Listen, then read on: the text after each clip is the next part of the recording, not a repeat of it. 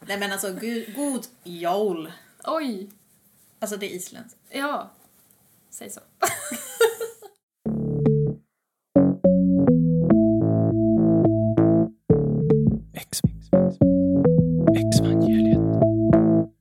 Jesus lever.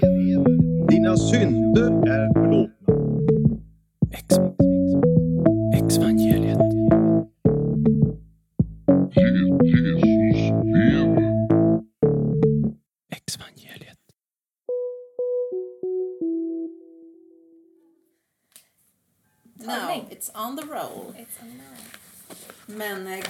Jul God jul! till dig Anna. God jul, Hanna. Tack! Här är vi. I min soffa med kaffe igen. Ja, det här är alltså... eh, vad är det för dag idag? Det är Lucia. Det är Lucia. Ja, 13 december. Exakt. Och ehm, jag ska på satanistisk Lucia-firande ikväll. Alltså det, Hanna, vill vi höra så mycket om sen.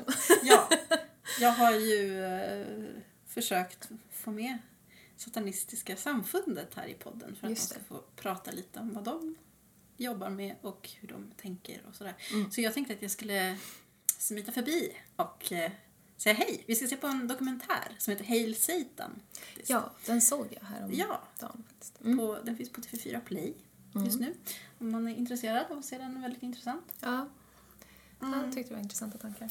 Ja, men det här är ju vår eh, lilla julklapp kan man säga Mm. till lyssnarna. eh, och, och vi tänkte ju börja med att, för du hade lite reflektioner kring det senaste Precis. eh, avsnittet Kring om vänner över trosgränser. Ja, kring ditt och Matildas samtal där. Ja. Ehm, så bara tyckte det kunde passa bra kanske att kommentera inför liksom julen, den stora familjehögtiden, när liksom de här relationer som man har haft sedan man var barn kanske står i centrum ofta. Ehm, och det är ju, alltså jag, jag, tyckte, jag tyckte det var väldigt eh, fint av er att bjuda på det samtalet faktiskt. Alltså det, jag tyckte det blev eh, ett fint sätt, eller liksom ett bra sätt att illustrera eh, vad man kan hamna i liksom, som avhoppare eller liksom som fallen människa. Ja, och även, även eh, den som står kvar. ja, precis. Att det är ju liksom verkligen... Eh, det uppstår ju svårigheter i relationen när man plötsligt liksom inte delar någonting längre som man har delat förut. Och liksom den, de svårigheterna behöver man ju ha respekt för. Både liksom som avhoppare och som liksom, ja, anhörig då kanske, eller vad man ska säga, vän som, som är kvar. Ja, men det, men det väckte också fler frågor och tankar Ja, precis. Jag, för, jag börjar tänka... ehm, liksom, e- egentligen... Eh, alltså, jag tycker så, den nivån av, av respekt som jag ändå kunde utläsa från ert samtal eh, känner jag så här, det borde vara minimum. det borde vara liksom det minsta vi begär av varandra. Eh, men det, så ser det ju tyvärr oftast inte ut, liksom, när man har... Eh, eller eh, oftast kanske är fel ord, men liksom... Alltså, Ja, men i många fall kanske. i många fall tror jag att det är väldigt mycket svårare än så. Att liksom komma till den nivån av respekt för varandra. Eller den nivån, alltså liksom, jag menar, det måste inte vara exakt så, men liksom, det finns så många olika sätt med så förstås. Men alltså, kunna ha ett respektfullt samtal, alltså där man lyssnar på varandra och liksom tar del av den andres mm, upplevelser och tankar och Ja. på något sätt responderar utan att eh, utan att den andra personen känner sig påhoppad eller Mm, precis. ja, Och liksom, det, det finns ju ofta i liksom de här religiösa eller kristna rörelserna liksom att de... Det finns ju ofta en retorik av att vi liksom är moralens eller godhetens väktare. Liksom, eller att vi, och, och, och så det som vi har pratat om, det liksom den här skammen för avhoppare, liksom att man är fallen, att man är värd helvetet, liksom, eller att man har avsagt sig moralen och godheten och ljuset och kärleken i livet, typ, på något sätt sånt där. Och att man därför är värd mindre, liksom. Eh, och då kan man ju kanske förstås säga så här, jo men du är fortfarande lika mycket värd som oss, men det är så här, om man känner att det är svårt att visa respekt eh, för en människa som har då tappat sin tro, som man säger, vi vill ju byta ut det här mot att säga utvecklat sin tro till någonting annat. Om man känner att det är svårt liksom, att bry sig om dens känslor av till exempel kris, utanförskap, ja, den känslor av liksom skam och utanförskap, existentiell ångest, kris, allt det där. Liksom, det, det är reella, verkliga, svåra känslor som den här personen brottas med. Och liksom, är det svårt som troende att visa respekt för de känslorna, då tycker jag att man kanske ska se sig lite i spegeln. Men jag tänker, Liksom. som, jag tänker på att du och jag upplevt det här att man upplevs som eh, typ lite aggressiv kanske. Eller Ja. lite liksom eh, hård mot människor som fortfarande är kvar i det man har lämnat. ja. Det är ju, berättade ju Matilda om också att under en, en period så kunde hon uppleva mig som väldigt hård och så här, att jag bara ville snacka skit om hennes tro och sådär. ja. Eh, och det tänker jag att, som jag upplevt, det tänker jag att du också har upplevt Mm. någonting liknande. Och det, det är ju problematiskt och det tänker jag är en del av, liksom, alltså att det har varit en del av min, mitt sätt att eh, också hitta, ja men vad tror jag själv på? Mm. Hur, hur, vad händer om jag säger det jag tänker Mm. till den här personen som jag har delat en tro med, men nu tänker jag någonting annat. Ja. Hur kommer den personen att reagera? Och då kan det ju liksom ibland bli så att man är lite osäker själv eller man, man testar lite liksom. Och då Mm. kan det ju komma ut lite hårt. Också för att det är så mycket känslor i en själv som liksom, man brottas med så mycket. Mm. Så det är nästan, man måste nästan så här, åh, vara lite tydlig. Liksom. Ja.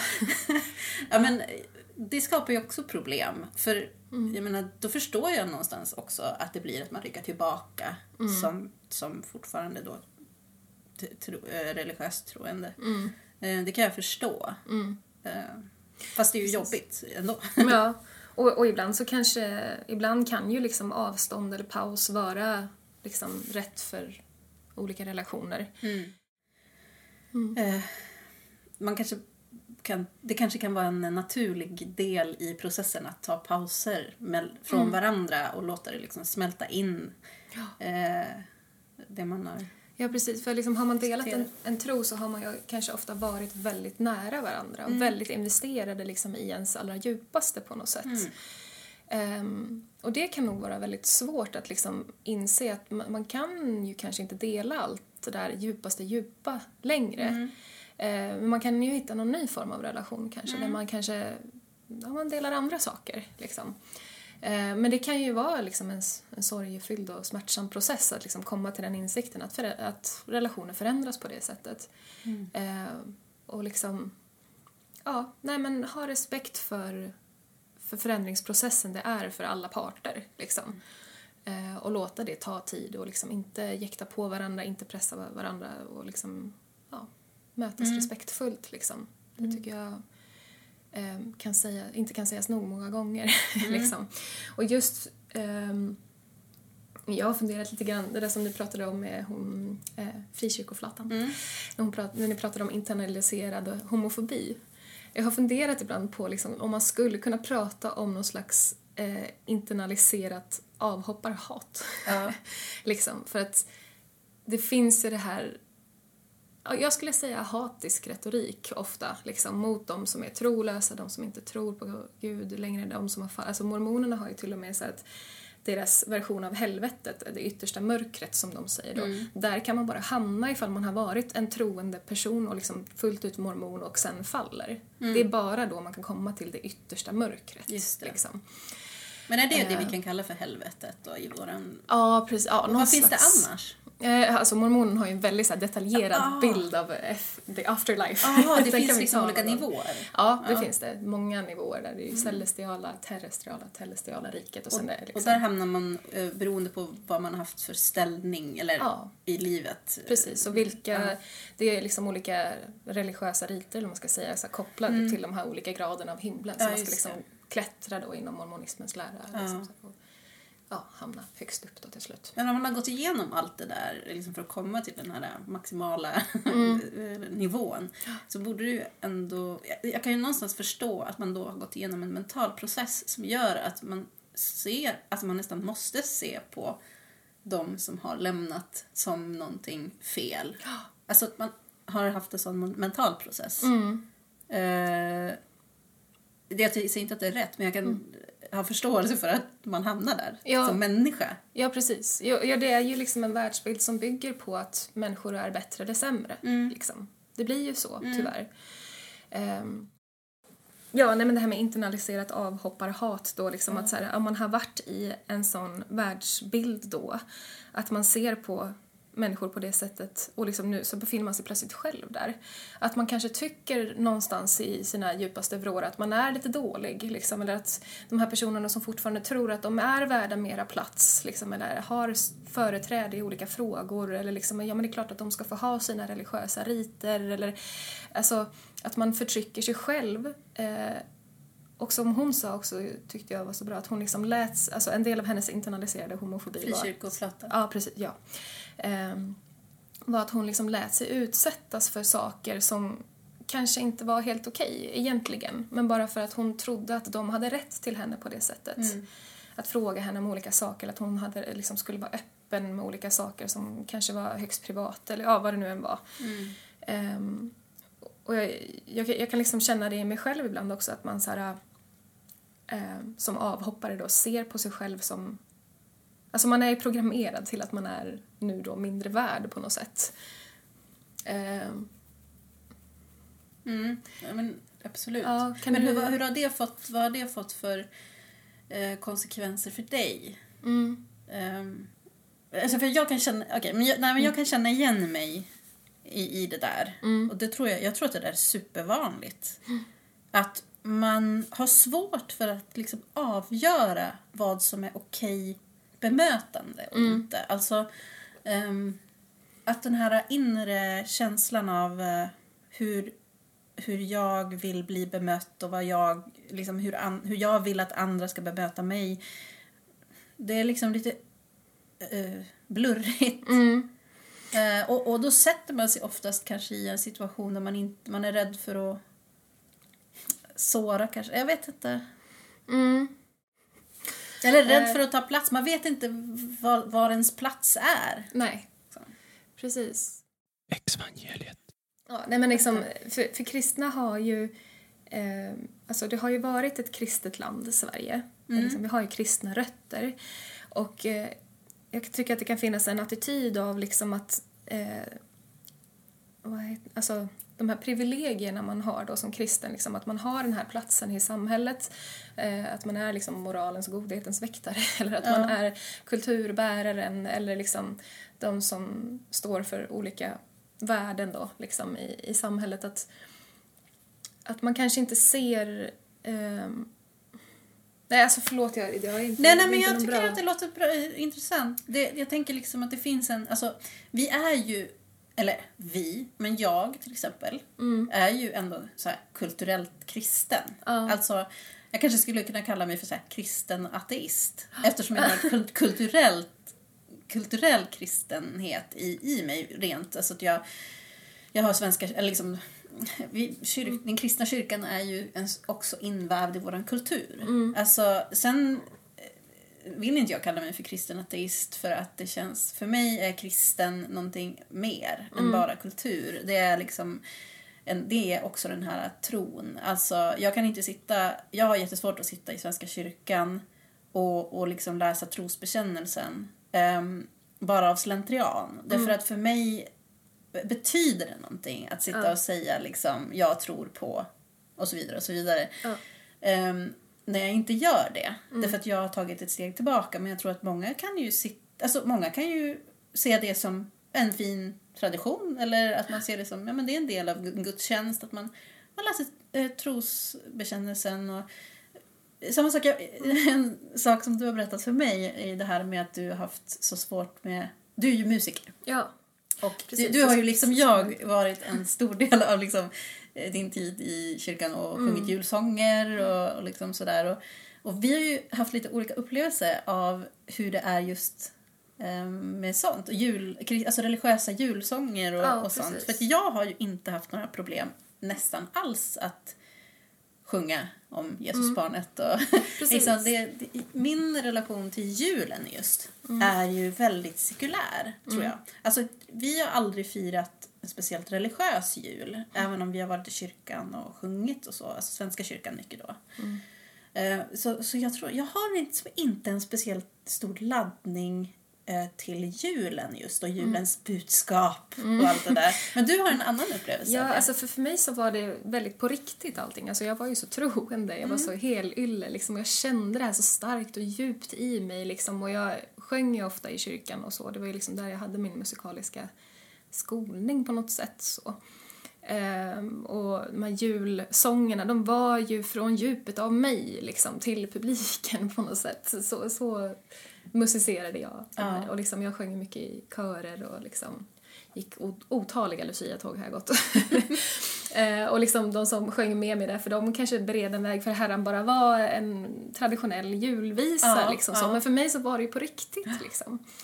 Eh, för, och jag- mig, för mig var det det här kulturella bara. Ja. Alltså, Ja, faktiskt. och, till viss del så är det ju Ja. det. Men liksom, jag, det är de här senaste fem åren då som jag liksom har sjungit de här jul...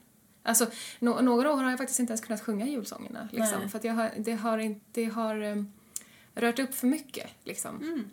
Ehm, och ja, det kanske... Alltså, det, jag vet inte om det är vanligt att folk känner så, men, men liksom för, för mig har det varit väldigt, väldigt laddat. Liksom. Mm. Ehm, och jag tror... Alltså sk- skolorna, eh, jag som utbildar mig till lärare då, vi pratar ju ofta om det här med att skolan ska vara konfessionsfri. Mm. Eh, och traditionellt har ju skolan varit liksom en del av det, ja, men svenska kyrkan, svenska samhället. Alltså man har, eh, prästen sa Guds välsignelse över barnen inför loven eller liksom, Ja. alltså jag hade, jag gick på en så här traditionell skola, så vi höll faktiskt morgonbön varje morgon när jag var liten, liksom, som man gjorde förr i tiden. Ehm, och liksom när kyrkan och religionen har haft den särställningen på något sätt som det har haft och sen så har den plötsligt inte det. Alltså Ja. det, det blir... Eh, som kristen kanske man lätt känner sig undanskuffad. Men man ser kanske inte privilegiet som man har haft framför alla andra livsåskådningar.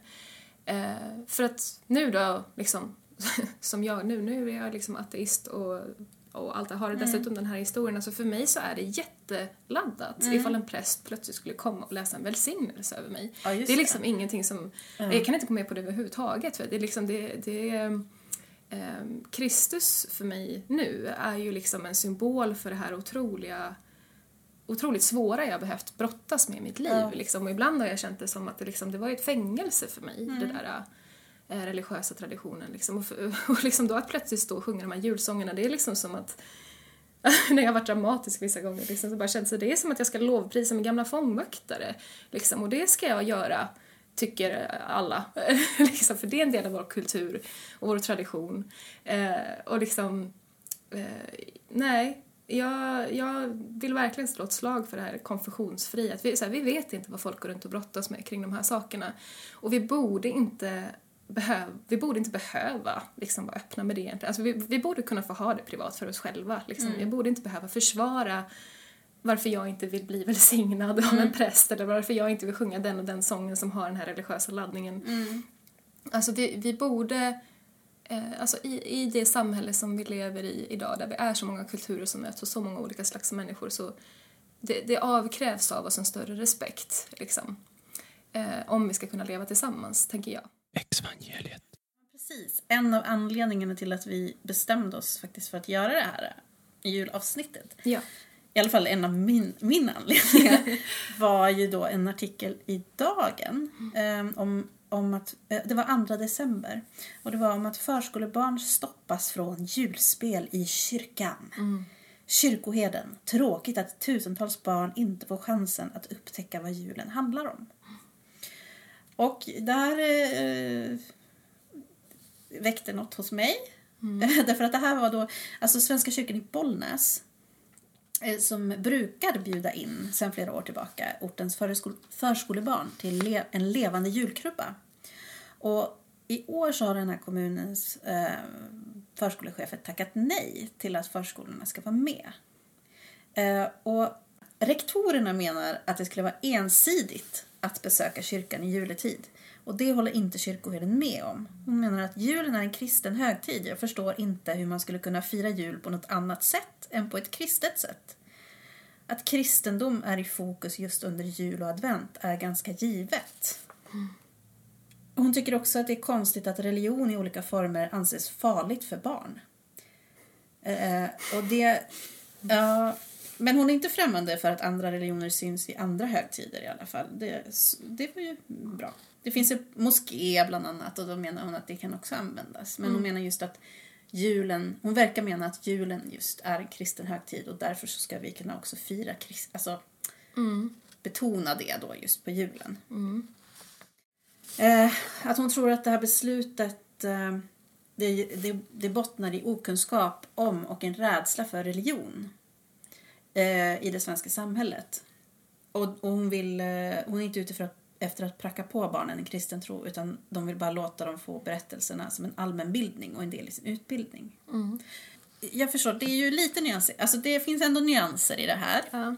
Men, men jag reagerar jättekraftigt ändå på just det här att man måste...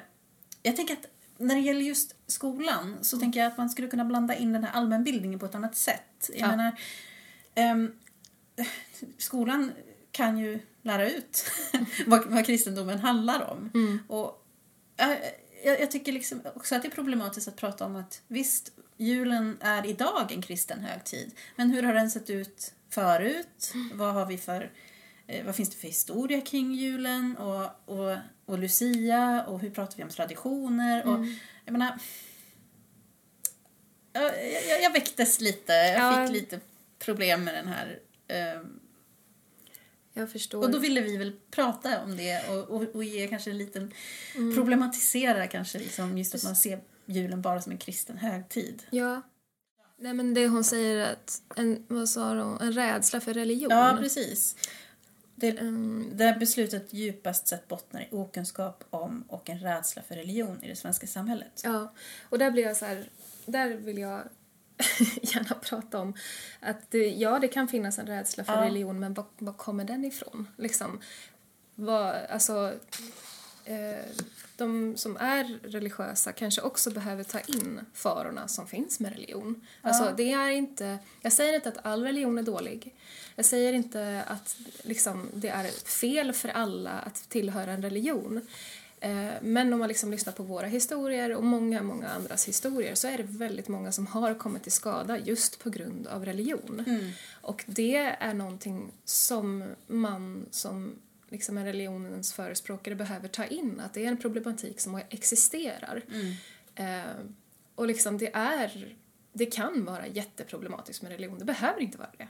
Eh, men det kan vara det. Och liksom, det, det är ingenting man kan liksom så här skamma de som upplever problem för, Nej, precis. säger, säger jag. Mm. Ja, nej, alltså, jag håller absolut med. Jag tror att det, att det finns en okunskap eh, och rädsla. Ja, kanske en rädsla också.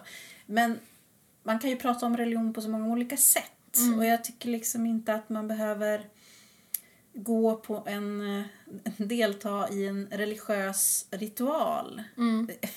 Nu är det en julkrubba eller Ja. en julspel.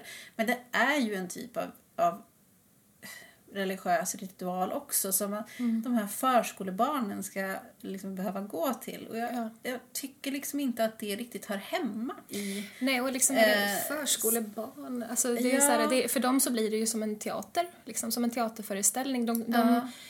är- alltså hur mycket kommer man ihåg av de teaterföreställningar man gick på som fem sexåring Liksom? Ja. Alltså, det är så här, religionskunskap börjar man väl med liksom, i mellanstadiet. Det är väl då man börjar kanske kunna förstå liksom, Ja. lite vad det handlar om.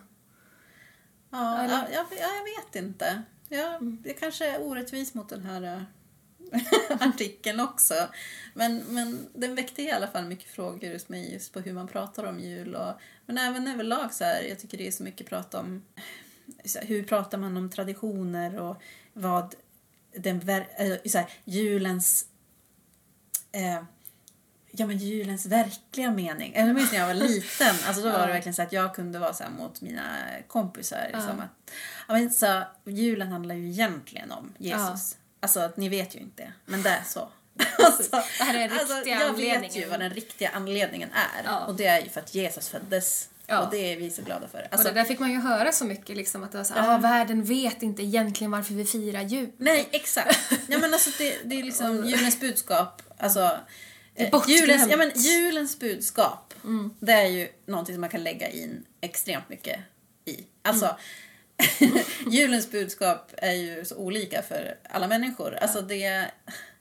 Vem är jag att säga vad julens budskap är? Mm. Liksom, ska, jag, ska jag gå in lite på vad jag Ja. har lärt mig? Vad handlar julen Ja, nej, egentligen men om, alltså, Hanna? Så här är det.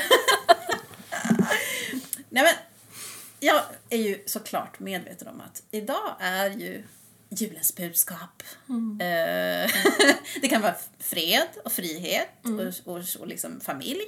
Det kanske är lite mer den så sekulära kontexten, eller liksom sekulära budskapet Mm. som man ofta... Vilket också blandas in i kyrkan en del, tänker jag. Alltså, det finns ju många kyrkliga sånger om fred och frihet, i alla fall inom Mm. Svenska kyrkan, tänker jag. Så.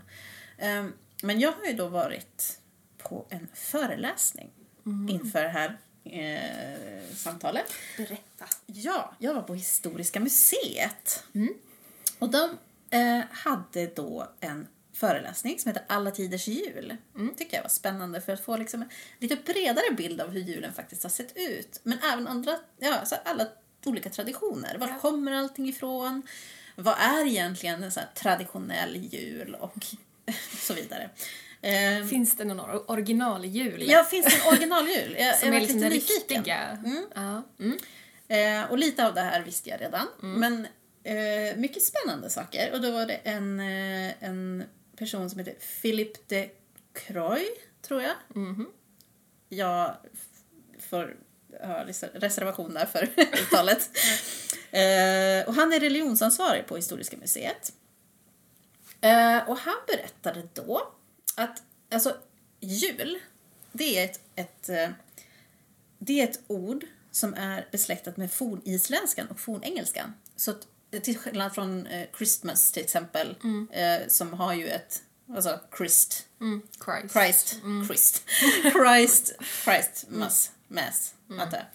Eh, men julen är liksom, det, det är ju forn, ett forn nordiskt ord kan man säga då. Eh, och det kommer från eh, Jol, tror jag man säger. Jol. Ehm, och det firade även vikingarna. Just det. Ehm, bland annat. eh, och det var ju innan då Ansgar kom och kristnade Norden. Eh, och det här ordet Jol eh, är oftast översatt till återfödelse eller vändning. Tydligen. Och förut så hette det att man drack julen. Så man drack helt enkelt öl. eller mjöd. Ja, eller.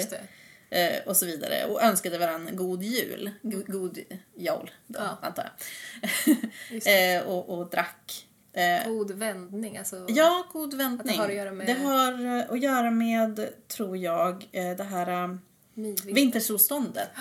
Och att det liksom blev som en ny Så, ja, det vände helt enkelt. Ja, det vände Dagarna mot- blev längre. Ja, exakt. Mm. Det här, jag antar att det här finns olika teorier om det här. Men Mm. nu, nu säger jag bara det som Historiska museet. Mm. det finns, säkert andra sätt man kan se på det här också. Vi är inga experter. Mm. Men ehm, då, ehm, julen är också benämning på alltså julblotet. Just det. Eh, alltså, och ett julblot är, eller midvinterblot, eh, det är den, den högtidligaste av alla de här blot. Och blot är liksom en offer, offerritual kan man säga.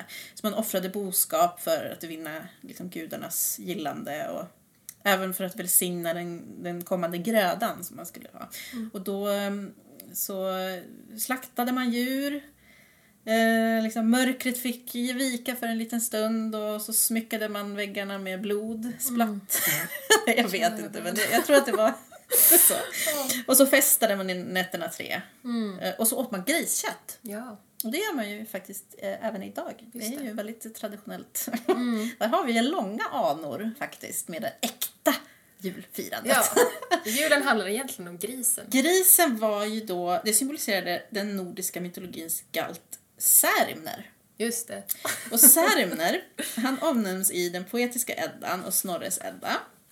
Och han slaktas eh, till kvällens gästabud i gudaborgen Valhall för att på morgonen återuppstå och böka runt lite i marken och gå och grymta lite tills det är dags för middag igen för då slaktas han. Och så återuppstår han dagen efter igen. Ja. Så han var liksom en, eh, ja, åter, återvänd gris. Men det är ett väldigt eh, heligt djur i den nordiska mytologin faktiskt. Eh, och när Norden kristnades sen då vid medeltiden så förbjöds då det här midvinterblotet. Mm. Eh, det var ju liksom eh, hedniskt då. Ehm, och jul, julhögtiden kristnades då. Så att eh, det här är lite förenklat. Men eh, med medeltiden så blir det ett maktskifte. Både på himlen och på jorden. kan Man säga. Eh, och, eh, den skäggige och allsmäktige gudakungen Oden. Han som ser allt och styr allt och är allsmäktig, sittande på en tron i himlen. Han byts ut mot en annan gud som kallas för Gud. Också allsmäktig eh, och ser allt och styr allt och har en tron i himlen. Just det. Säkert väldigt förenklat. Men det finns en sån koppling i alla fall. Alltså Oden var ju, eh, det var, hade ju en ganska liknande, liksom, Ja, den här man tog många attribut från honom och satte Ja. på den kristna guden. Ja, alltså det, det, jag tror att det var mycket så att som jag har förstått det så, så, så ville man liksom ändå få en smidig övergång liksom, till den här nya religionen. Så att man eh, lånade förmodligen och, och, och liksom, ja, hittade likheter och så vidare. Liksom, i, och även då eh, så var det fanns ett, eh, ett nordiskt dödsrike och det kallas ju för Nifen, Nifelhel? Nifelheim. Nifelheim Eller? kanske? Nifelhem. Nifelhel står det här. Hem. He- Eller Hel- jag kan ha fel. Men Alltså- hon hette Hel, Ja, dödsgudinnan gudin- hette Hel i alla fall. Men, men någonting sånt. Mm. Eh, och eh, hon, dödsgudinnan Hel, hon har slungats från himlavalvet som en stjärna ner mot marken. Eh, och det låter ju väldigt likt en annan Stjärna, ja. stjärna, det Lucifer, som slungades ner. Ja. Också från himlen lysade som en lysande stjärna. Någonting sånt. Eh, och eh, hon i alla fall eh, ehm, får packa sina väskor, dra iväg och ge plats åt djävulen och helvetet. Då. Just det. Ehm, och det är intressant med den där besläktningen med, Med ordet med ja. hel och helvetet. Ja, det är spännande. Den är spännande. Ehm, och sen finns det också då en gudason som heter Balder. Som betyder den lysande. Och han skickas till dödsriket för att sen upps- uppstå därifrån. Och han byts ut då, lite enkelt, mot en annan gudason som också är väldigt lysande och har en gloria runt huvudet och kallas för Jesus.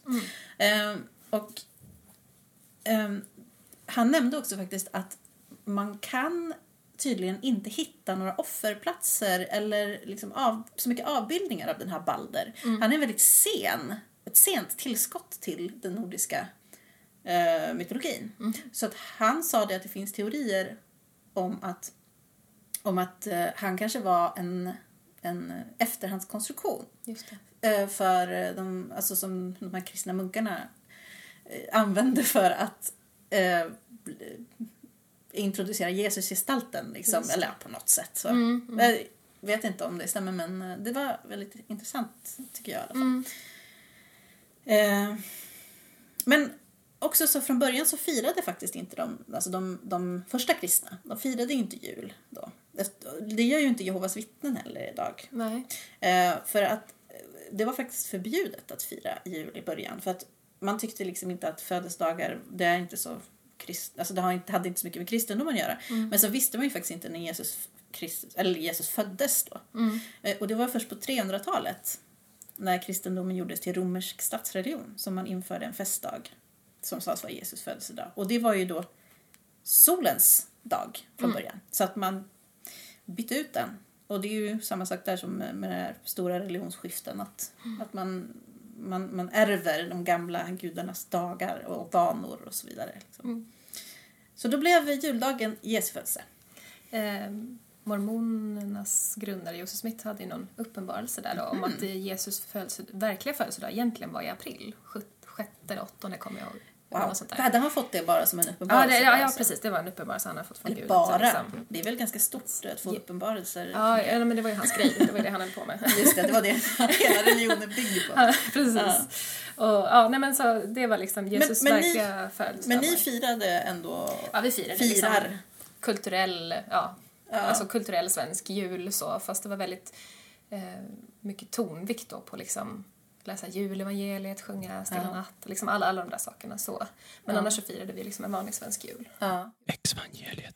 Vad tänker du när jag berättar om, om det här med den, den liksom hedniska, Ja, hedniska det, det ordet liksom. Men, men den här ö, eventuella övergången då. Nu säger jag eventuell. Jag tycker det här är så läskigt att prata om. Ja. Därför att det känns som att folk kommer bli arga på mig när jag säger det här. Ja, men det är väl Eh, den där äh, internaliserade grejen man Ja, har. men, men det, det är också, alltså, jag, jag har ingen problem att se den här historiska kopplingen. Alltså, Nej. jag själv har inte det.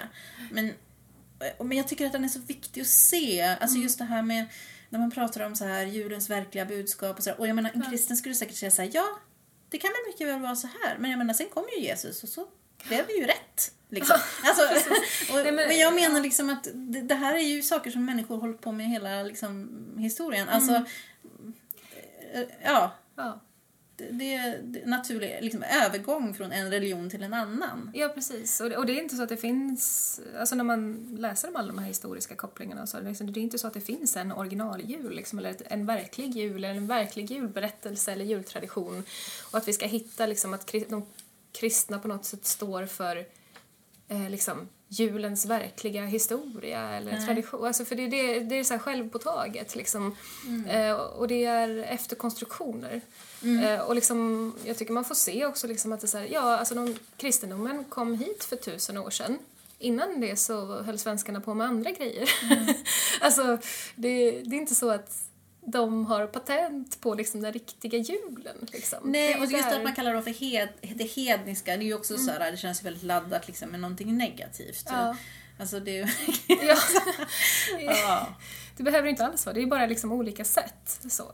Ja, men, och en annan grej, så nu har jag faktiskt övergått lite från, eh, det här är en annan, eh, om, om Lucia, Då- är det en som heter Tommy Kusela, som eh, han är forskningsarkivarie i folkminnen på Dialekt och folkminnesarkivet i Uppsala. Och han har lagt ut en artikel om Lucia. Och det var också jättespännande tycker jag. Okej. Alltså jag kommer inte gå in på allt. Nej. Men det här, eh, för jag menar dagens vitklädda Lucia, som vi är vana vid, som är så, liksom den typiska svenska Lucian som vi ska bevara. Den är ganska ny, en ny tradition. Ja, men han har i alla fall eh, kollat på i, i de här arkiven då, hur Lucia har tolkats i liksom 1800-talet och, och tidigt 1900-talets bondesamhälle. För det, det här är ju eh, ehm, jag menar innan internet så, så var vi ju liksom ett, är ett avlångt land och traditioner har sett så himla olika ut. Alltså beroende på vart man har bott någonstans. Alltså, det fanns ju ingen liksom enhällig syn på exakt så här ska en Lucia vara. Jag menar nu kan man ju bara gå och googla liksom, vad är Lucia? Ja men det är det här, de här, de här, de här grejerna liksom. Men han menar i alla fall att det här är liksom en, en väldigt mångfacetterad tradition. Och det finns flera olika föreställningar och förklaringar. Och man kan liksom inte hitta en enhetlig bild av hur Lucia förut. Och det var först under 1900-talet som det här eh, Lucia-firandet vann liksom allmän spridning i landet. Och då spreds det här Lucia-firandet från herrgårdar, prästgårdar och hemmen till skolor och kontor och offentliga inrättningar och sånt där. Eh, Så i äldre tid så firade man liksom inte Lucia utan det här var något som började spridas eh, under 1920 eller 30-talet. Och främst i stadsmiljöer. Så det tog ganska lång tid liksom, innan den kom ut på landsbygden. Eh, och då kunde det vara ofta i äldre föreställningar som levde kvar, då kunde det vara den natten till den 13. Den förknippades jättelänge med, med mörker och faror och sådär. Och det var en tid då övernaturliga väsen var väldigt aktiva. Och, det fanns väldigt många så här, förhållningsregler vad man fick och inte fick göra under den här lussenatten. Både pojkar och flickor kunde kläs, kläs ut till just Lucia. Och det hände också att pojkar och flickor kläddes ut liksom till de olika könen och det var lite så här bushelg liksom. Folk sprang runt och liksom gjorde hiss och, och sånt där. Så, så det, det, han menade att på många sätt så kunde det här påminna om våra tids halloweenfirande. Alltså mer att man klädde ut sig och gjorde så upptåg och det var mycket så här eh, en natt då det hände mycket, det var så här andar och väsen och sånt där. Och det berättade faktiskt den här eh, på Historiska museet att även julnatten eh, var förknippat med döden. Alltså att man såg julnatten som um, det dödas natt. Så vad man skulle göra då, på julnatten, nu hoppar jag lite här, men det var att man skulle bädda golvet med halm och sängarna med halm. Och så skulle man låta julmaten stå kvar på bordet. Alltså jul, jul, eh, från julaftonen, julnatten då, juldagen. För att då var det de döda som skulle liksom äta, festa loss på den här julmaten som man hade göttat i sig. Liksom. Och man fick inte komma för tidigt till julottan heller. För då kunde man hamna på de dödas julotta. Då kom man inte därifrån utan då blev man instängd i dödsriket. Oh, Så, det är tydligen, jul, just julnatten var också en sån där mystisk natt liksom, där det kunde hända väldigt mycket saker. Just det. Eh, Men, men även då som sagt Lucia, alltså hon har ju oftast också alltså, blivit beskriven som en dålig människa eller ett hedniskt och ogudaktigt fruntimmer. Hon kunde ses som djävulsk. Och Lucia, Lucifer, det finns ju liksom en Ja. liten koppling där med, med så att det finns supermycket olika liksom, uppfattningar om, om Lucia och hur hon ska se ut eller hur hon är. Eller... Det, det är så, Var det någonting så om spännande. eh, liksom den, det, det är väl ett, ett av de katolska helgonen? Ja, precis. Ja, men det är ju. Ja. Liksom, det finns ju en liksom, massa olika berättelser om henne också. Mm. Hur hon... Hur, hur, vem hon var och sådär. Hon var martyr för sanningen. Hon var martyr. Jag kan ju... Ja, men, jag, jag måste faktiskt säga en sak. Att jag trodde faktiskt att hon blev bränd på bål. Jag har haft någon sån grej, just att det Ja. brinner i håret och sådär. Ja, men det har man väl hört? Är det Ja. inte så? Nej, alltså... så här, jag, jag, han på Historiska museet här, Filip, han berättade en version. Men jag tänker att det finns massa olika myter och sånt där. Mm. Ja, och sådär. Så frågade jag en, en kille, en eh, italiensk man som är från Sicilien. Ja. Som är uppväxt liksom bara några kilometer från eh, Syrakusa, där Lucia kommer ifrån. Och, han, och då tror jag så här, vad, vad var myterna liksom, eller berättelserna? Liksom? Han bara, det är ingen myt. Det är, det är på riktigt, hon fanns på riktigt. Alltså, och, det, och det fanns säkert en historisk person som heter Lucia, men jag menar, det finns ju så många olika myter runt henne på något Ja. sätt. Så. Men då menade han egentligen, i, i alla fall, den här Filip, att ehm, hon var en kristen flicka född 283 på Syrakusa i Sicilien. Och så blev hon bortlovad då till en äldre man av, sin, med, av sin mor. Men då lyckades hon bota sin mammas blödarsjuka. Eh, och då sa mamman liksom att ja men du behöver inte gifta dig med den här mannen. Typ. Och då blev, men då blev den här mannen väldigt arg. Och eh, så anmälde han henne till kejsaren som inte gillade kristna. Så hon blev eh, dömd då eh, till att bli glädjeflicka på en bordell. Så hon skulle bli prostituerad. Och så på vägen dit så frös det här spannet som de åkte med enligt legenden då fast i marken. Och man försökte liksom slita loss den här med oxe och eh, liksom, med oxen, oxen och vagnen då från marken men man lyckades inte. Så då hällde man brinnande olja på henne.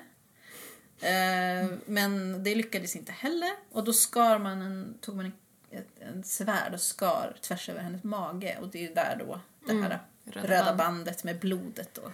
Men hon dog inte förrän hon fick sista smörjelsen. tydligen. Förstås. Mycket Ja, men viktigt. kära. Usch. Ja, men så ja, det, det mycket är alltså hennes helgons, eller hennes, eh, alla helgon har ju olika dagar, namnsdagar kan man säga. Så att den 13 är liksom hennes, det katolska helgonets Lucias dag. Så det är alltså en katolsk tradition som då är kvar, vilket också är intressant.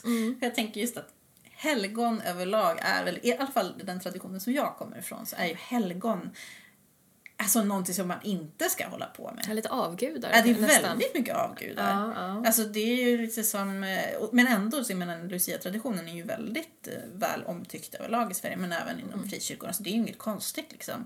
Men det är ändå intressant just att se den traditionen liksom att det är kvar, den just katolska. Ja, det är ju trevligt också med ljus och sådär i juletid, lite mörker, i mörkret liksom. Det är ju en trevlig tradition, det tycker ju också jag. Ja. men, då- Även om det är en kristen liksom- tradition så tycker jag ju faktiskt det. Ja, men många sådana här högtider har väl liksom delar av lite allt möjligt liksom inbakat i sig. Liksom att det var den här Lucia-traditionen och sen så var den här traditionen av att man eh, gjorde hyss för varandra på de mörka nätterna och så kom Precis. man med, med bullar till varandra på morgonen. Alltså det, är Ja. så här, det är många saker som har bakats ihop till den tradition vi har idag. Ja, liksom. precis. Ja, men det finns ju massa olika... Det är ju så roligt, man vet liksom inte riktigt vad allting Nej. är från början, men det är ju formats liksom. Ja, Men det finns ju massa olika så här, berättelser om, om allting. Så även alltså granen är tydligen, den kommer från Tyskland. Och den, ehm, den dess form, eh, enligt legenden då, eh, var det då en rik förmögen britt. Det var en, i alla fall en, en man som ville pedagogiskt förklara den kristna treenighetsläran med granens pyramidform. och även då adventsljusstakarna har ju också den där formen. Men Ja. jag ska berätta, även den här döds... När vi pratar om den här, under den här döds... Eh, det dödas natt så skulle det också vara gärna trekantiga ljusstakar i fönstren för att Okej. de döda skulle liksom lockas till. Så det var också det. Alltså det ja, det, det, det kommer igen. Nu Ja, ja. hoppar jag jättemycket här men... Exvangeliet. Och även um, jultomten är ju också... ett, ehm, det finns ju olika liksom, bilder av jultomten. Mm. Den ena är ju då den här svenska gråa liksom, gårdstomten som nästan var lite obehaglig. Liksom. Ja. Alltså, Så man skulle blidka med gröt man på blidka trappan. med gröt och, och det var ju då Jenny Nyström som är en av våra liksom, under, i slutet av 1800-talet. Mm. Så Jenny Nyström var konstnär och skapade den här bilden av den här svenska tomten Mm. med buttra och lilla, lilla gårdsfiluren liksom. Och den här, eh, det amerikanska, namn, amerikanska liksom, namnet på jultomten är ju då Santa Claus och det kommer från nederländska Sinterklaus. Eh, eller Sankt Nikolaus. Och han var då biskop för Turkiet på 300-talet som blev helgonförklarad för han var så givmild. Han brukade bland annat lägga mynt i skorna hos fattiga barn men han var alltid väldigt diskret. Han ville liksom inte att någon skulle få veta att det var han. Och när han sen blev helgonförklarad så hade han just, han hade ju då blivit biskop. Och den här biskopsdräkten på den här tiden, den var röd med vita kanter. Eh, så att det blev liksom bilden för liksom jultomten då på något sätt. Och sen så var ju Coca-Cola med och skapade liksom en, en ytterligare kanske en, en bild av jultomten, alltså i sin reklam och sådär på, på 30-talet. Men, eh, men så den, den, den amerikanska versionen har ju också då konkurrerat ut liksom den svenska tomten, den här lilla gårdstomten då, som fanns en gång i tiden. Men den, den pratar man ju nästan aldrig om, förutom det här med att man skulle ställa ut gröt och sånt där. Det tänker jag kanske är liksom en liten blandning där av... Ja, precis. Ja, men som, eh, den, den gårdstomten hade väl inte så mycket koppling till jul heller har jag förstått. egentligen. Nej, den hade liksom- ingen koppling till jul. Nej. Nej, nej, det var ju liksom en allmän att han skötte gården och sådär lite i hemlighet. Lite som vättarna som vissa pratar om i vissa byar och sådär. Men det är också en annan intressant figur, det är ju faktiskt julbocken. Just det. För det är ju någonting som, jag tänker alla har ju en julbock under, eller vi hade i alla fall en julbock i halm under granen och sånt där. Mm. Men det kunde alltså, tala om den i Gävle. ja, precis, Gävlebocken. Mm. Eh, Och den här julbocken, vet du vart den, vart, vad det handlar om? Ja, det var väl han som kom med julklapparna va? På, Ja, Innan det blev jultomten som kom med julklapparna. ja precis. Mm. Och det här är faktiskt en koppling återigen till den nordiska mytologin med bocken. Mm. För det är ju Tor, eh, åskguden, han dras ju av en vagn med två odödliga bockar. Mm. Och de här symboliserar kraft och fruktsamhet. Men den har ju också horn. Mm. Och det har ju då blivit symboliserat, eller liksom fått symbolisera ondskan. Och i djävulen, skulle jag säga. Ja, I alltså, synnerhet liksom. Ja, djävulen hade väl liksom bockfot och Ja, sådär också. Och, och det fanns till och med på tu- 1000-talet så klädde man då ut sig till den här biskop Nik- Nikolaus, den här Mm. Sinterklaus, och em, satte en fjättrad bock liksom, Mm. bakom julklapparna. Som en symbol att det här givmilda helgonet då hade makt över djävulen. För att han var så god. Så då satte man en bock liksom Ja. bak i. Wow, det är mischmasch av alltihop här. Ja, det liksom. finns en massa såna här olika bockar. Det finns ju Krampus i Österrike, en demonliknande varelse som tittar fram från sitt skjul två gånger per år för att straffa barn med smisk. Jag Oj. tänkte på Grinchen då. Ja, just det. Att det kanske fanns någon koppling där mellan en Det kan sån. säkert finnas. Men, åh, jag måste få berätta också en så rolig, eh, lite roliga så här, andra så här, vad, vad då en traditionell jul är. Och det beror ju verkligen på vart man befinner sig. Så i Ukraina till exempel, då pyntar man granen med spindelväv. För det finns en legend där om en fattig kvinna som inte hade råd att pynta familjens gran. Men hon vaknade efter att hon hade sovit på natten så hade spindlarna i huset spunnit en vacker spindelnät över granen. Så det är lite så Askungesagaaktigt. Ja. Eh, Så de, de pyntar fortfarande alltså granen med spindelväv, spindelnät liksom. Eller, Aldrig hört talas om. nej, det är ju lite halloween-känsla. där. Ja, ja, verkligen. Och i, i Japan, jag ska berätta, det här är kul. Under 1500-talet, när julen kom till Japan, med kristna missionärer då, så försökte de ju liksom införa det här. Men de lyckades inte så bra, de här missionärerna. Så inte ens en halv procent av japanerna anser sig vara kristna idag. Men eh, 1974 så lanserade snabbmatskedjan Kentucky Fried Chicken en reklamjingel som sa så här Kentucky for Christmas eller Kentucky till jul. Och den här jingeln fick jättestort genomslag. Så att på julafton så var det jätte, jättemånga eh, långa, långa köer utanför Kentucky Fried Chicken i, runt om i Japan. Okej. Så att det finns ju 12, 1200 restauranger i Japan och de är fullsatta på julafton. Är det sant? Man kan också beställa Kentucky Fried Chicken till till sitt eget julbord men då måste man vara, eh, lägga beställningen 3 till sex månader före jul. Annars är det kört.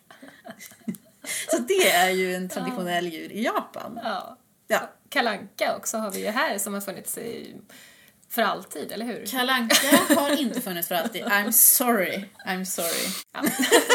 Nej men liksom så när man Ja. hör om alla de här traditionerna och Ja. liksom kul- kulturyttringar som har varit fram och tillbaka hit och dit genom historier och olika länder. Så här, det blir så konstigt då liksom när man säger så här, men vad julen egentligen handlar om. Ja. Och så ska det liksom vara julkrubban och Jesus och julevangeliet och så. Mm. Alltså det är så här, jag tycker inte riktigt man kan komma och claima det liksom. Nej, får man, får man göra det bara för att man är liksom majoritetsreligionen liksom, i ett land? Ja, precis. Jag vet inte. Nej. Jag vet inte om jag tycker det. Liksom. Ja. Nej. Men det är bara för att, också för att vi är ju extra påverkade av det för att Mm. vi på något sätt det, det bety, har betytt så mycket för oss och så nu det känns som att man ifrågasätter allt liksom. Ja.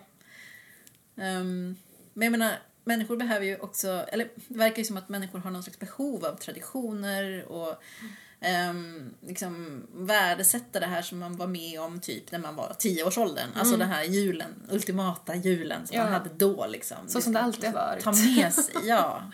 Eh, och det är väl naturligt då för en människa tänker jag liksom att det är så. Så då får man väl ha lite förståelse för. Mm. Men eh, ja, jag tänker liksom ändå att det kan vara bra att ha lite så här, lite, lite, lite, över, men lite större perspektiv och se liksom så här. Mm. Det är också mänskligt att göra de här förändringar i traditioner som vi Ja. faktiskt gör. Det är ju Mm. en ganska naturlig process. Exvangeliet. Men liksom, jag tycker inte att eh, en specifik religion ska få ha liksom, ja, företräde. Inte i vårt samhälle. Nej. Jag tycker inte det. det Nej, vi har ju liksom Fel. utvecklats bortom att vara ett kristet land, Mm. får man väl ändå säga. Liksom. Vi, vi har ju en väldigt djup, liksom, stark kristen tradition av, sedan tusen år i Sverige.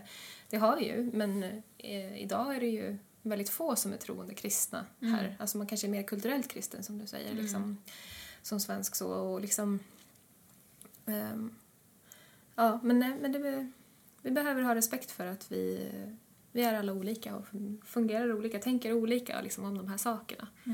Liksom, och just religion som kan vara, alltså har man varit liksom, troende på riktigt så, eller liksom om man är det, alltså det är så djupa psykologiska processer som man håller på med på något sätt. Så att liksom att eh, bara anta att liksom folk ska vilja vara med om de här religiösa sakerna, liksom det, det, man, kan inte, man kan inte riktigt göra så, tycker jag. Man behöver ha respekt för att, för att vi funkar så olika, liksom.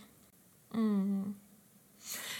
Ja, nej men liksom, så de vi, vi pratar till avhopparna, eller vad man ska säga. Liksom, julen kan ju vara problematisk på, på två sätt. Liksom, dels är det att eh, kristna då tycker sig ha den här självklara delen av julen, liksom att vi ska fira Kristi födelse. Eh, på något sätt att det är så centralt, när det är kanske det man brottas med mest av allt. Och sen så är det också det här med familjeband, liksom med familjerelationer som kanske har förändrats eh, och som kanske inte alls är så problematiska och så kommer allt det här tillsammans i en enda stor eh, liksom, högtid när vi ska samlas tillsammans och liksom vara glada och ha en jättefin stund. Alltså det, så, det, det, kan, det blir, kan ju bli jättesvårt för folk. Liksom. ja. Ehm, så att... eh, mm. Ja, har vi några tankar kring det? Liksom, hur man kan... Alltså vi förstår väl Mm. helt enkelt. Alltså jag, jag som sagt eh, har ju inte eh, jätteladdad eh, relation till just det. Jag tycker ju att det alltid är, är känsligt man ska prata om tro och religion med familj. Alltså, ehm, men jag tror absolut att det kan bli liksom en extra grej just Alltså extra laddat just kring julen. Och det är ju, julen är ju en laddad högtid överlag. Ja, Liksom. ja, det är många som har problem med det eh, på Ja. olika sätt, liksom, även om Ja. man inte har religion. Precis. Så. Exvangeliet. Ja. ja, men det här med kristna kärleksbudskapet och ljuset eh, och det där. Vi har ju pratat lite om det här med, liksom, med falsk kärlek. Har du någon tanke själv kring det? Eller liksom så här, Ja, men jag tänker att det finns liksom ett problem. Alltså jag tänker överlag i juletider, tänker Mm. jag främst, så finns det ju oftast en väldigt så här, vi, vi ska hjälpa typ de hemlösa eller vi ska Ja. hjälpa de som är väldigt utsatta. långt, de utsatta och sådär. Alltså det finns en så konstig, alltså det är ju bra Mm. att man gör det. Eh, Det tycker jag att man ska göra året om. Och nu kommer det väl lite tydligare då fram, kanske kring julen och sånt där med olika insamlingar och olika julbord och sånt där som ska göras. Men det finns alltid något lite så komplext i det där. Men det är väl samma sak som att vi sitter liksom i västerlandet och ska hjälpa människor eh, som har det sämre. Att, att det blir en så här konstig känsla av att eh, vi är vi är bättre eller vi har det så bra Ja. så vi ska liksom... Jag vet inte, jag, jag Ja, precis. Alltså, man ska lite så. visa kärlek, alltså, om jag ska liksom överdriva här nu Ja. lite grann. Man ska visa kärlek för de liksom fula och fallna på Ja. något sätt. Liksom. Och ju mer kärlek jag visar, desto mer Kristus lika poäng får jag. Och, liksom, och ju fulare den här mottagaren är, desto finare är jag. Mm. Liksom. Och så blir det någon slags Eh, alltså att man själv vinner och plockar poäng på att man liksom bryr sig om dem. Mm. Eh, liksom att det blir någon där, eh, lite bakvänt så kan det bli någon slags ehm, motsatsen till komplimang. Motsatsen till komplimang är förolämpning. Ja, Kanske? ja att det blir någon slags eh, bakvänd förolämpning liksom, Ja. mot dem som är, alltså så här, det, det är liksom, jag är så bra som bryr mig om dig som är så ful. Liksom. Ja. ja, men det är lite det där... Alltså det här är så problematiskt att prata om för jag menar... Jo, men jag tänker att det är väldigt vanligt så inom kyrkan att man just engagerar sig i så här, de utsatta och de som har det svårast i samhället. Och någonstans liksom så här, vi är så... Alltså det här, är jätte, det här, är, det här känns jättekontroversiellt att säga så här för det känns som att jag snackar skit om människor som faktiskt hjälper till. Ja, mm. Men, men jag, jag, jag, jag alltså det, det, det, någonstans inom mig så får jag den här känslan liksom av att så här, att man liksom prayar lite, alltså prayar. Ja, men det, att man liksom utnyttjar nästan de här människorna för att visa sin godhet. ja. Alltså det här kommer att låta så knäppt. Jag vet att jag eh, låter väldigt hård nu. Men det här är också, jag själv också varit eh, där. Jag kan känna liksom att, jag menar här, ehm, se på oss vad fina vi är som hjälper de utsatta. Mm. Alltså att man nästan slår sig för bröstet lite. ja. Ehm, Och, och med det sagt så behöver det inte betyda att man ska sluta göra det. Liksom, så här, för att det finns ju verkligen utsatta personer som behöver stöd och hjälp. Liksom.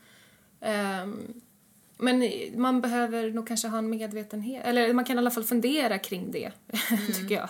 Liksom att, eh, så här, vill jag plocka poäng här nu liksom inför mina eh, liksom församlingsmedlemmar eller någonting, eller eh, ja. Ja, men det finns också den här, äh, typ, äh, vi har, fått ett, vi har fått ett uppdrag av Jesus att vi ska hjälpa andra människor. Alltså, jag, förlåt, alltså jag blir, jag kan känna att det finns en, det, jag tänker att det, för mig blir det det här falska. Alltså, att man måste då säga, Gud, Jesus har gett oss ett uppdrag typ, att vara kärleksfulla mot andra människor och hjälpa andra människor. Och jag känner så här, jag bryr mig inte om vad Jesus har sagt till dig. Kan inte du komma på själv att du ska vara den här goda människan? Kan, måste du ha en gud som säger till dig du ska vara god mot andra människor? Är det verkligen nödvändigt? Jag Ja, säger inte att jag är god hela tiden. Vi har ju Ja. pratat om det. Jag är, vill hellre vara hel och Ja. vara både och. Men att, att hjälpa andra och göra det man kan för andra. Förstår du hur jag tänker? Ja, ja Jag verkligen. bli- För, alltså, jag då som har den här tanken Ja. som jag pratat om att man, Alltså den här godheten eller den här svärtan, alltså alla de här sakerna, det är ju saker som vi har i oss alla människor. Och liksom så claimar man den här godheten då i alla människor och liksom tillskriver den till sin gud och säger att man måste ha den här guden för att vara god. Ja. Men liksom, Eller att få motivera, motivationen till att vara god. och, liksom, och, så, och så tycker man att man med den här guden då är liksom moralens väktare. Men när det är så här, den där moraliska kompassen den, den har alla människor mer eller mindre. Eller ja, det finns ju de som inte har det också. Då brukar man prata om psykopatisk störning eller sånt där, liksom, personlighetsstörning. Eh, så det finns ju också. Liksom. Men alltså, det är inte så att vi utan Gud är liksom moraliskt förtappade människor. Alltså det har ju vi verkligen funderat kring. Liksom. Ja. Alltså vi har ju inte tappat moral och känsla för empati och sånt där med andra människor för att vi har tappat Gud. Liksom. Utan det, den, den moralen, så att säga, den finns ju kvar i oss fast vi inte har Gud. Ja, Och liksom... Eh, ja. men det är det jag kan liksom vilja vända mig till. Liksom Mm. att istället för att säga vi som kyrka har fått en uppgift att hjälpa alltså, Mm. eh, människor som är utsatta. Eh, men jag tänker att vi själv kan ge oss den uppgiften. Alltså Mm. i så fall. Alltså vi, vi skapar ju, tänker jag, vår egna mening. Alltså Mm. det, det, jag vill inte behöva liksom, hänvisa till en, en någon som har gett mig ett uppdrag. Eh, någon gudomlig kraft som har gett mig ett uppdrag. Ja. Därför att jag, för mig blir det liksom att man lägger den här äh, viljan att hjälpa till och, och så vidare liksom utanför sig själv. Alltså som en... Ja, Ja. En, man ska bara vara liksom som ett vessel. Mm. Liksom en, en, ett kärl för den här kärleken. som jag tror i ytterst sett vill jag ju credda de här människorna som faktiskt gör grejer. Alltså från liksom, som vill hjälpa människor. Alltså att säga så här, jag vill hjälpa de här människorna. Inte liksom jag vill hjälpa dem för att visa Guds kärlek. Men som sagt, jag fattar att det här är bara min, mina tankar. Så alltså, man, man, man, ja, fortsätt. Nej, men, för, för i det där så hamnar man ju lätt i ett dömande då, om det är vem som är utsatt och vem som är dålig och vem som är i behov av min hjälp. Eh, och, och så, liksom, så, så blir jag den som är liksom längre fram, eller ja, om jag, skulle, om jag pratar mig själv då, som en troende person liksom, som ska hjälpa den här personen som behöver hjälp, som är liksom längre ner på skalan än vad jag är. Liksom. Ehm, och så ska man i kärlek då så ta upp den här personen några nivåer. Eh, alltså det, det, blir så, det blir ett väldigt så här, kategoriskt och väldigt värderande sätt att se på människor, tycker jag. Ja. Eh, så, som man lätt kan hamna i när man liksom har den bilden med sig av liksom en gud som står för godheten eller liksom att man... Så. Precis. Eh, och ja. liksom, som jag tycker att jag har blivit mött av ibland, att liksom nu för att jag har tappat min tro så är jag då en person som är i behov av hjälp och extra särskild Kristuslik kärlek och liksom omsorg. och, att det är så här, och, så, och så hamnar jag liksom längre ner då på den här det. statusskalan. Ja, men det är att- där man känner sig. Ja. Jag känner mig också där. Ja. Längre ner på en statusskala. I- För att jag inte har Kristus med mig i mitt Ja, liv. alltså man är liksom sämre. Ja. Det är det jag, det är det jag blir så jävla ledsen för. Ja. Det jag blir så jävla ledsen för. Ja. Det är det jag vill komma bort ifrån när det gäller just att prata med människor som fortfarande är troende. Ja. Jag vill inte vara där längre ner på den här skalan för jag har inte gjort någonting för att förtjäna det. Alltså, Nej. jag är inte en sämre person. Nej. Eller ja, det, det tycker Fast man ju då. ja, och liksom, det, det, jag känner mig ju så också. Mm. Och det är så knäppt. Alltså, Det är en konstruktion. det är en konstruktion som jag vill gå emot. För det finns så mycket, jag menar, det finns så mycket bra människor i den här världen som inte tror på Gud. Alltså, de tror på massa andra bra saker. Ja. Och heja dem, heja er, heja oss. heja alla bra kristna också. Men alltså, Nej, men alltså- det, det, det är liksom... Jag, jag tycker det är fånigt liksom, överhuvudtaget att liksom dela in folk i fack på det sättet. Men man gör ju det säkert, det är också så en mänsklig grej. Men ja, jag, jag tycker liksom, våga stå upp för att du är bra utan Gud. Ja. Hej! Exvangeliet. Men eh, vi är ju snart tillbaka Mm. för en ny säsong. Ja. Oj, vad vi är laddade. ja, det är mycket spännande i bagaget. Eller vad säger Superspännande människor vi redan har träffat och spelat in lite med. Ehm, Helena Lövgren bland annat, Ehm, psykoterapeut. Mm. Vi har pratat om eh, Eh, Alltså om man har varit utsatt för manipulation och Ja. liksom vad man kan... ehm, hur det kan yttra sig och vad man kan behöva för hjälp då. Just det. Och hur man kan få hjälp och lite tips om hur man kan tänka och, och sådär. Och nej, det ser jag väldigt mycket fram emot. Och sen har vi även pratat med eh, humanisten Ulf Gustafsson. Eh, som sitter i styrelsen i Stockholm, för humanisterna. Eh, och får veta lite mer om, om dem. Eh, och det är också ett jättespännande avsnitt. Så, nej men ehm, tack för i år och god jul och gott nytt år. Ja. Gott nytt år. Exvangeliet.